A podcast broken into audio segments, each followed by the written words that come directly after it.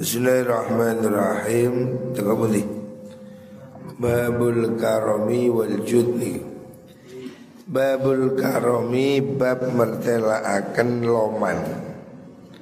Karom loman ya. wal judi yo tegese loman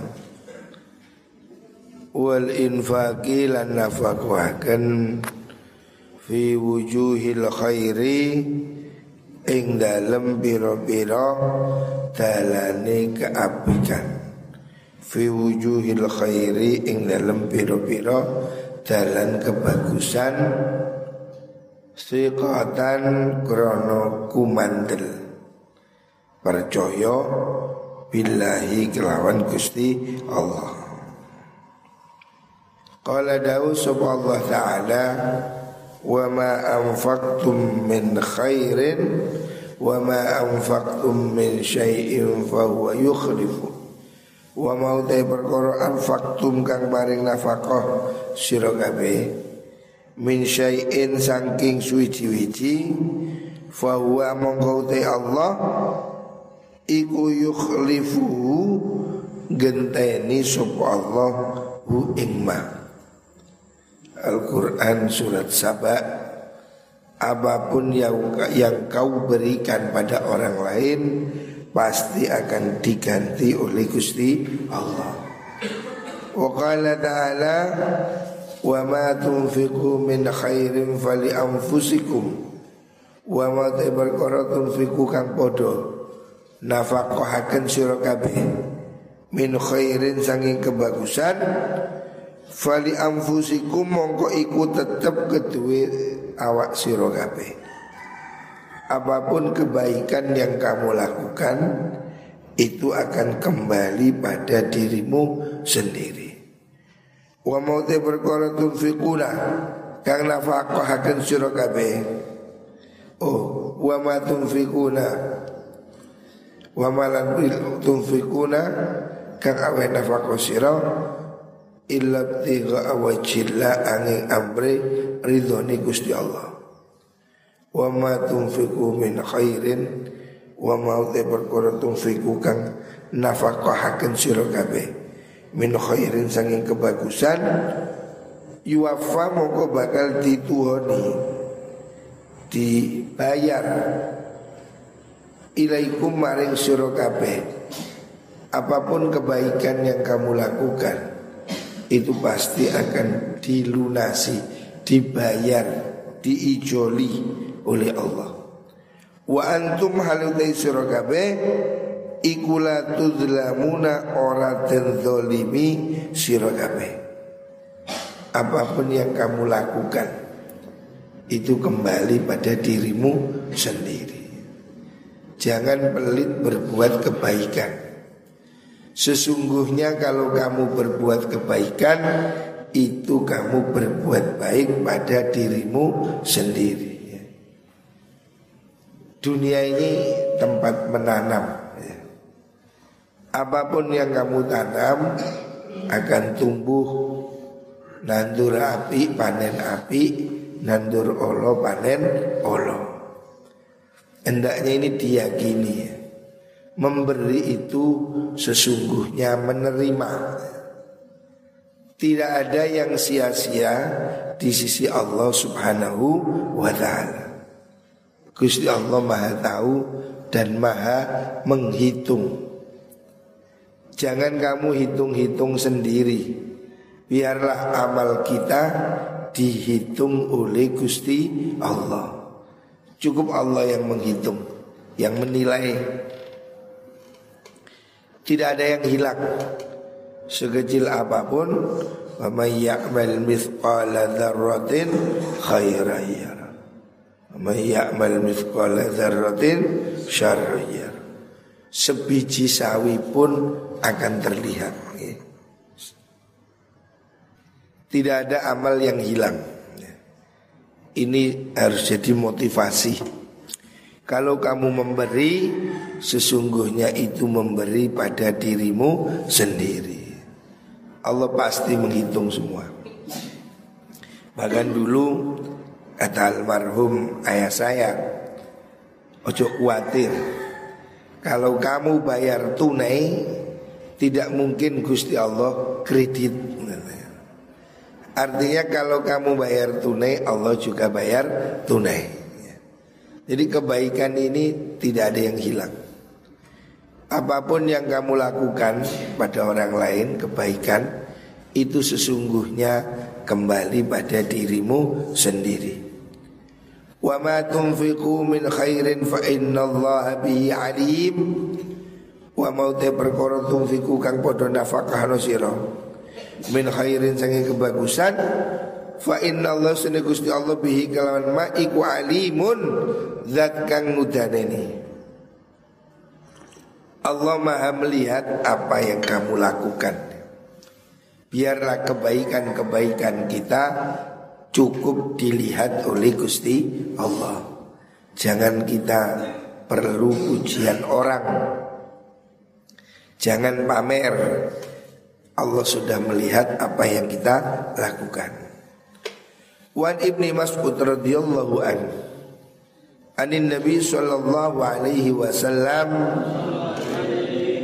Qala dawu sapa Kanjeng Nabi la hasada illa fisnatain La hasada orang-orang kepingin hasud yang di sini bermakna ghibtah kepingin hal yang sama. Kalau hasut yang bermakna dengki itu tidak boleh. Ya. Siapa pun tidak boleh dengki pada orang lain. Tetapi kalau itu dalam arti kepingin ya hasut ini ada yang ada orang itu hasut kepingin hilang nikmatnya orang itu haram ya itu penyakit iri itu penyakit ya penyakit masyarakat iri lihat temannya kaya hatinya pegel ingin kekayaannya hilang. Itu namanya iri. Tidak boleh. Tetapi dalam hadis ini yang dimaksud oleh Rasulullah Wasallam adalah ingin hasut yang bermakna ghibtah ingin seperti itu.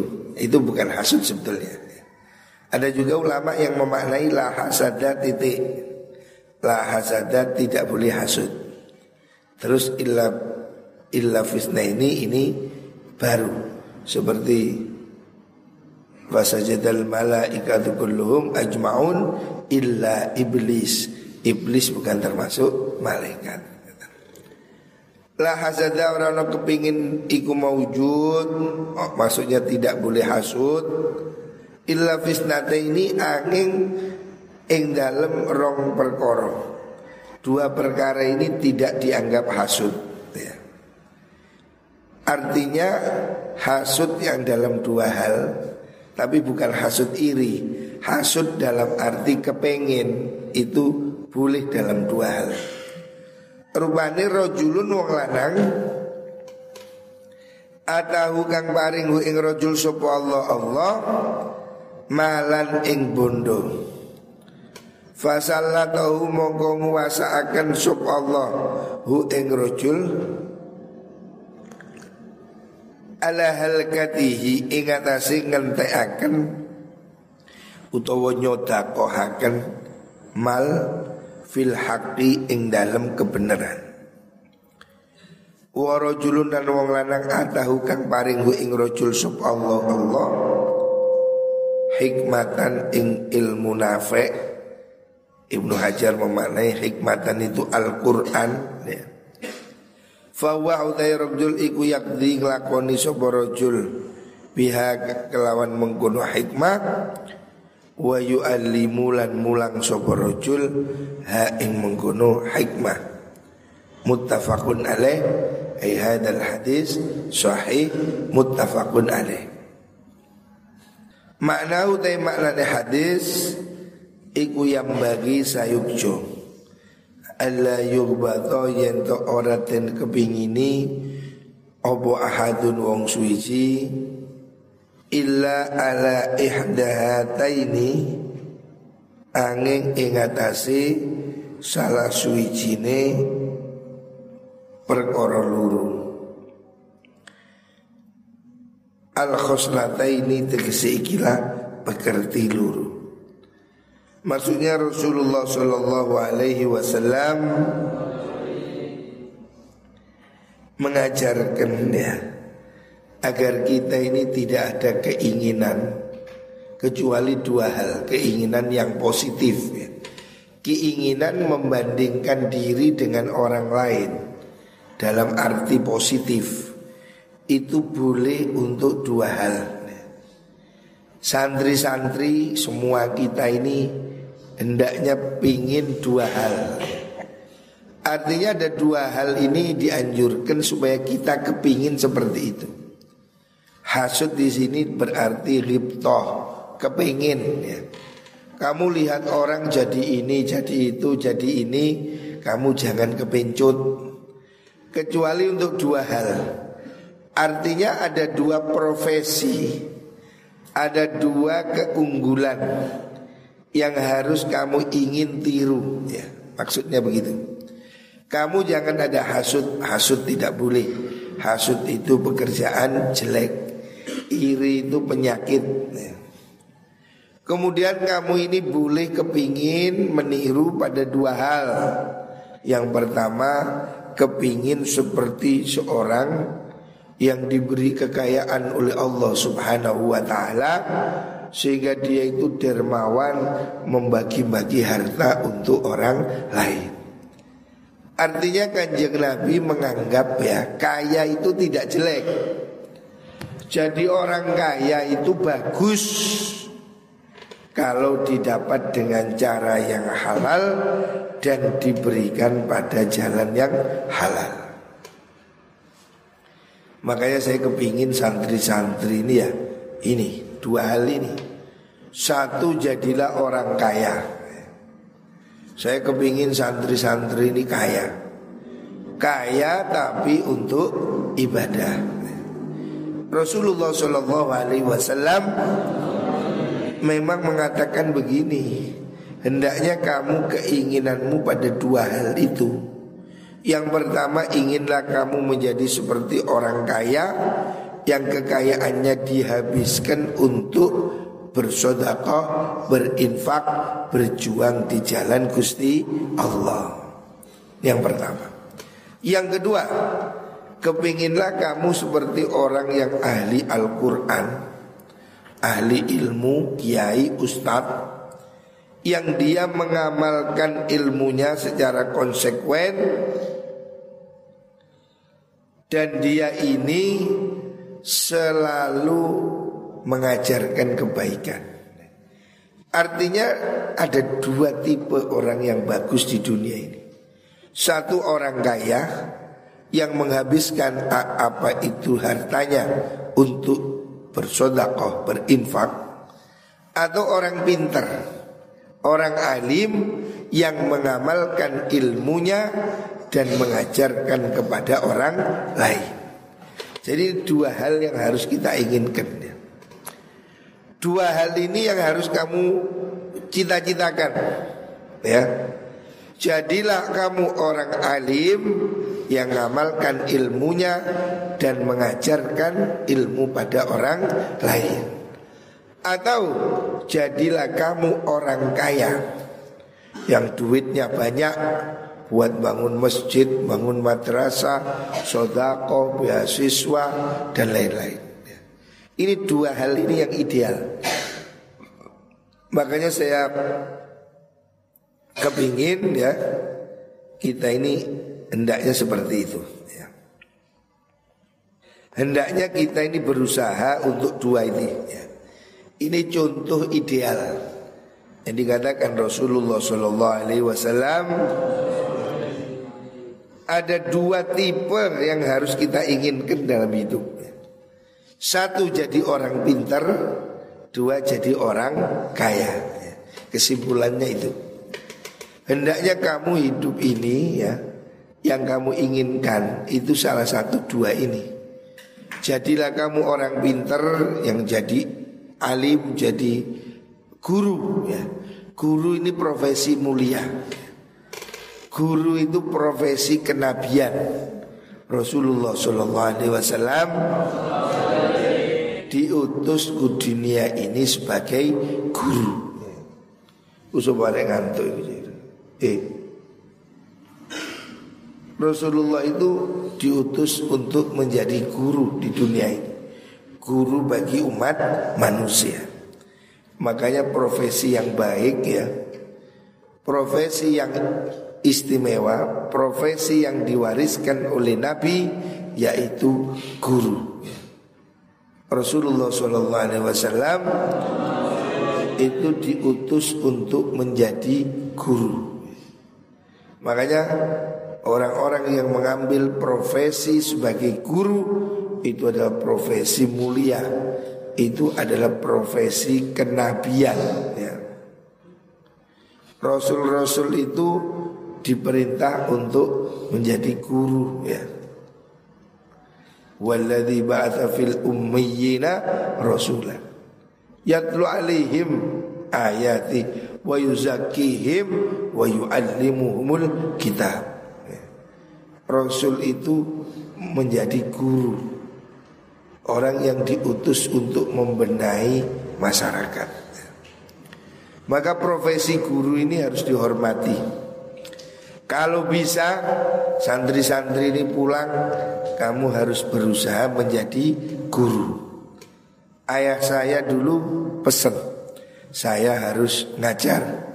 Bahkan ayah saya dulu mengatakan Mulango meskipun gak dibayar Mengajarlah kamu. Walaupun tidak dibayar Karena itu berkah. Ayah saya percaya itu. Makanya saya ngajar ngaji saya hanya ngajar di pesantren, ngaji. Ya motivasinya itu. Kita itu ingin menjadi bagian dari tugas kenabian. Ya. Al ulama warathatul ambiya. Kanjeng Nabi tidak mewariskan dokar, cikar, duit. Nabi mewariskan ilmu. Makanya ulama ini mulia karena dia pewaris para nabi. Yang kedua, jadilah orang kaya. Ya. Ini, jadi orang kaya itu bagus, kaya, kaya yang benar ya, itu bagus daripada miskin, kere, masya Allah. Hari ini miskin ini cobaan besar. Sekarang ini orang karena miskin jadi nyolong, jadi kriminal, Nauzubillah jadi pelacur ya. Karena tidak kuat jadi orang miskin. Makanya saya kepingin Santri-santri ini dua ini. Apa yang dikatakan Rasulullah Sallallahu Alaihi Wasallam? Bahwa santri itu Satu Jadilah orang berilmu Yang mengajar pada orang lain. Ini tugas Jadilah guru Itu profesi mulia Walaupun guru MI, guru TK, pokoknya jadi guru itu profesi mulia. Guru masjid, guru musola. Ya. Yang kedua, bekerjalah kau dengan sungguh-sungguh agar kamu jadi orang kaya. Ya. Kalau santri-santri ini kaya, ya pondok-pondok tambah bagus, alumni-alumninya menyumbang. Di luar negeri, ya, saya sudah lihat di Amerika, di Inggris itu sekolah-sekolah swasta bagus-bagus. Karena sekolah itu disokong oleh alumni-alumninya dan alumninya kaya. Makanya nyokongnya ke. Dari alumni ini tukang cukur, kondektur ya puluh ewu. Tapi kalau alumninya itu perdana menteri, presiden, nyumbangnya mm-an. Makanya santri-santri harus punya ambisi itu dua hal ini. Berambisilah kamu untuk dua hal. Ya. Satu, jadilah orang berilmu dan mengajarkan pada orang lain. Dua, jadilah kaya. Jadi santri pingin suki, gak apa-apa. Tapi kaya niatnya untuk beribadah Kaya untuk sodakoh Kaya untuk membantu perjuangan jihad visabilillah Itu bagus ya. Jadi hendaknya kamu kepingin jadi dua ini. Alumni-alumni pondok saya kepingin ini. Ya. Jadi wong pinter utawa jadi wong suki. Wis. Ojo wis goblok, males, melarat. Aduh. Gendeng coba eh. Wis goblok, melarat bisa. Waduh, ini sedih. Hai ngantuk-ngantuk ikut itu cewek. Sekandani isu tangi kok. Apa ya? Kok. Baik, so pengantuk Jadi kamu harus menghilangkan sifat malasmu Supaya kamu jadi kaya Jangan jadi orang malas.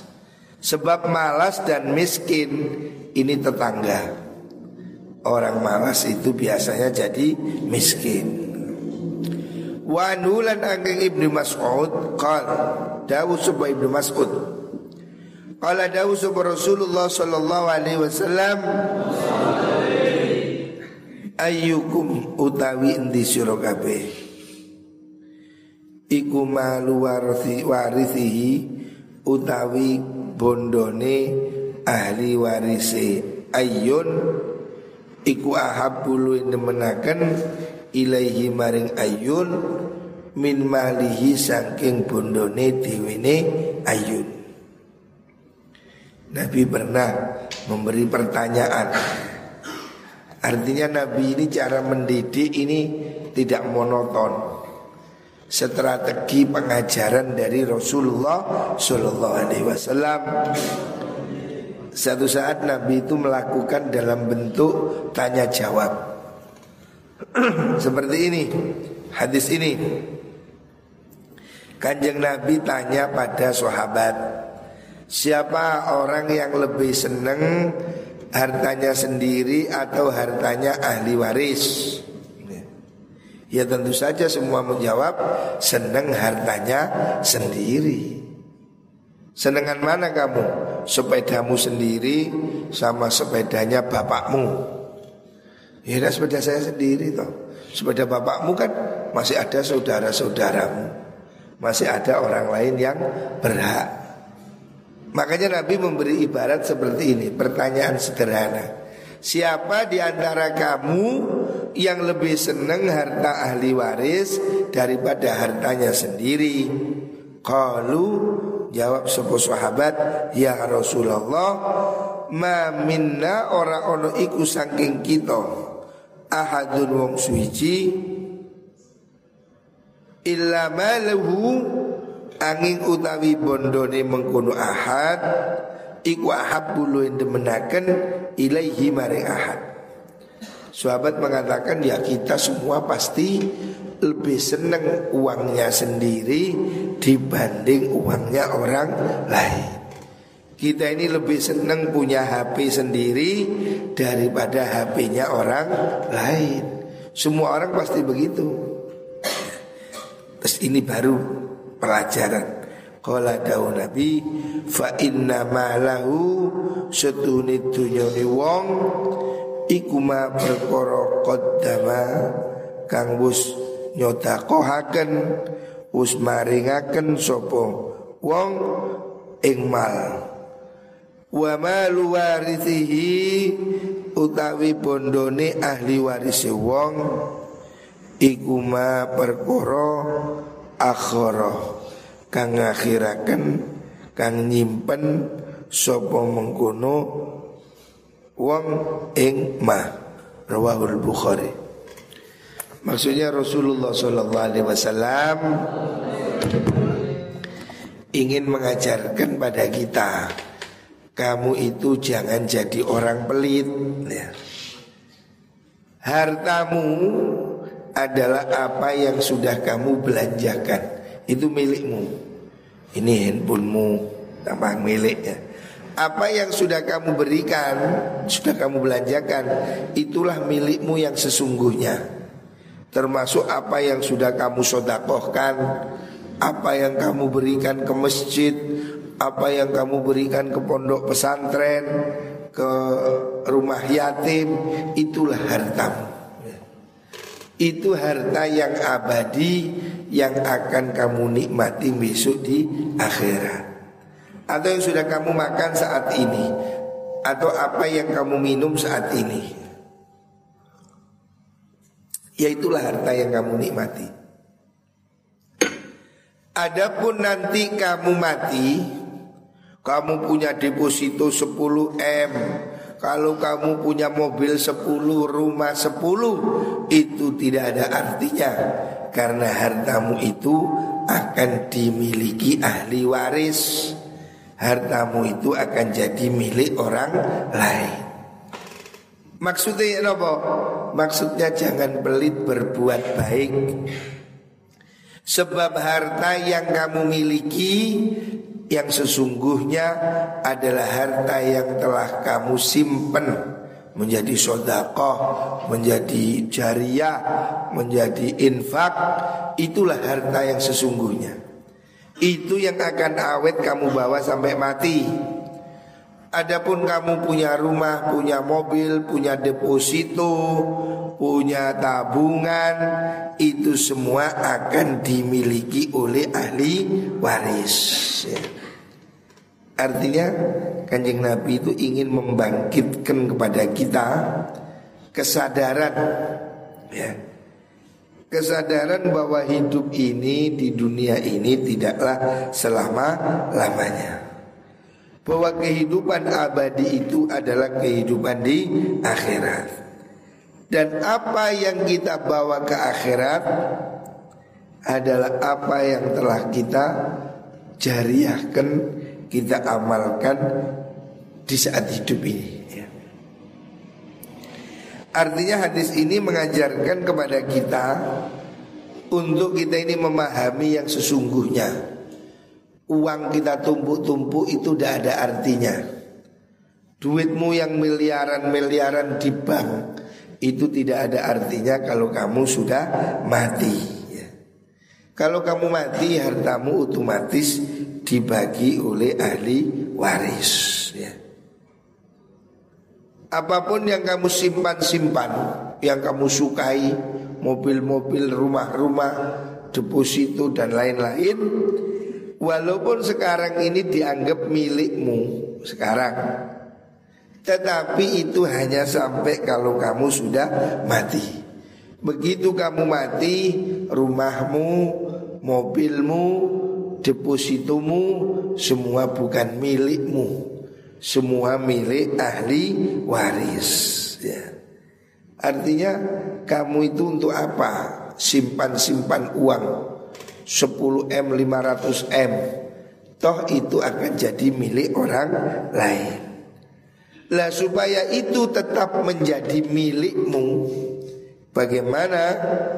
Hendaknya ada yang kau sisihkan untuk amal jariah Sisihkan sebagian hartamu untuk lazis Untuk masjid Untuk sodakoh Itulah hartamu yang sesungguhnya. Artinya Rasulullah SAW mengingatkan jangan kamu tertipu, kamu nyimpen-nyimpen uang, toh uang itu nanti akan dibagi di ahli waris. Kamu nyimpen rumah bagus-bagus Toh itu kamu tinggal. Hendaknya kamu bersiap Untuk harta abadi. Apa itu? Amal jariah. Supaya masing-masing dari kita itu Kepingin punya amal jariah. Lek gak iso mbek duit ya nyumbang tenaga lah. Kuh tukang nyambut gai Niat amal. Buh mikul semen situ kita harus punya tinggalan. Lakukan kebaikan yang itu akan menjadi simpanan bagimu kalau kamu hidup di akhirat. Jangan hanya numpuk kekayaan di dunia, toh kamu tidak akan hidup selama lamanya. Ini yang harus disadari. Kesadaran bahwa kita ini hidup pasti akan mati. Kalau kita mati kita harus punya harta yang dibawa mati Kata orang bilang harta tidak dibawa mati Iya kalau harta yang tidak diamalkan Orang mati perlu bawa harta Harta harus dibawa mati. Bagaimana cara bawanya? Ya jangan dimasukkan kuburan. Harta supaya bisa dibawa mati, berikanlah harta itu untuk amal jariah. Jadi kalau ada orang mati, keluarganya sadar, baiknya berikanlah sebagian untuk masjid. Bapakmu mati punya warisan, sisihkan sekian persen, berikan masjid, berikan pondok pesantren, berikan lazis, itu yang akan dia simpan, dia nikmati setelah dia menjadi penghuni kubur. Ya. Jadi kalau kamu sayang sama bapakmu, kamu kepingin orang tuamu bahagia di kuburan, jangan dikirimi kulkas. Itu pak kulkas, keopo. Ada saya lihat orang di Afrika, bapaknya mati dibelikan mobil, dikubur bapak nih bisa. Iwong gendeng nih mobil dikubur. Mobil untuk orang yang hidup.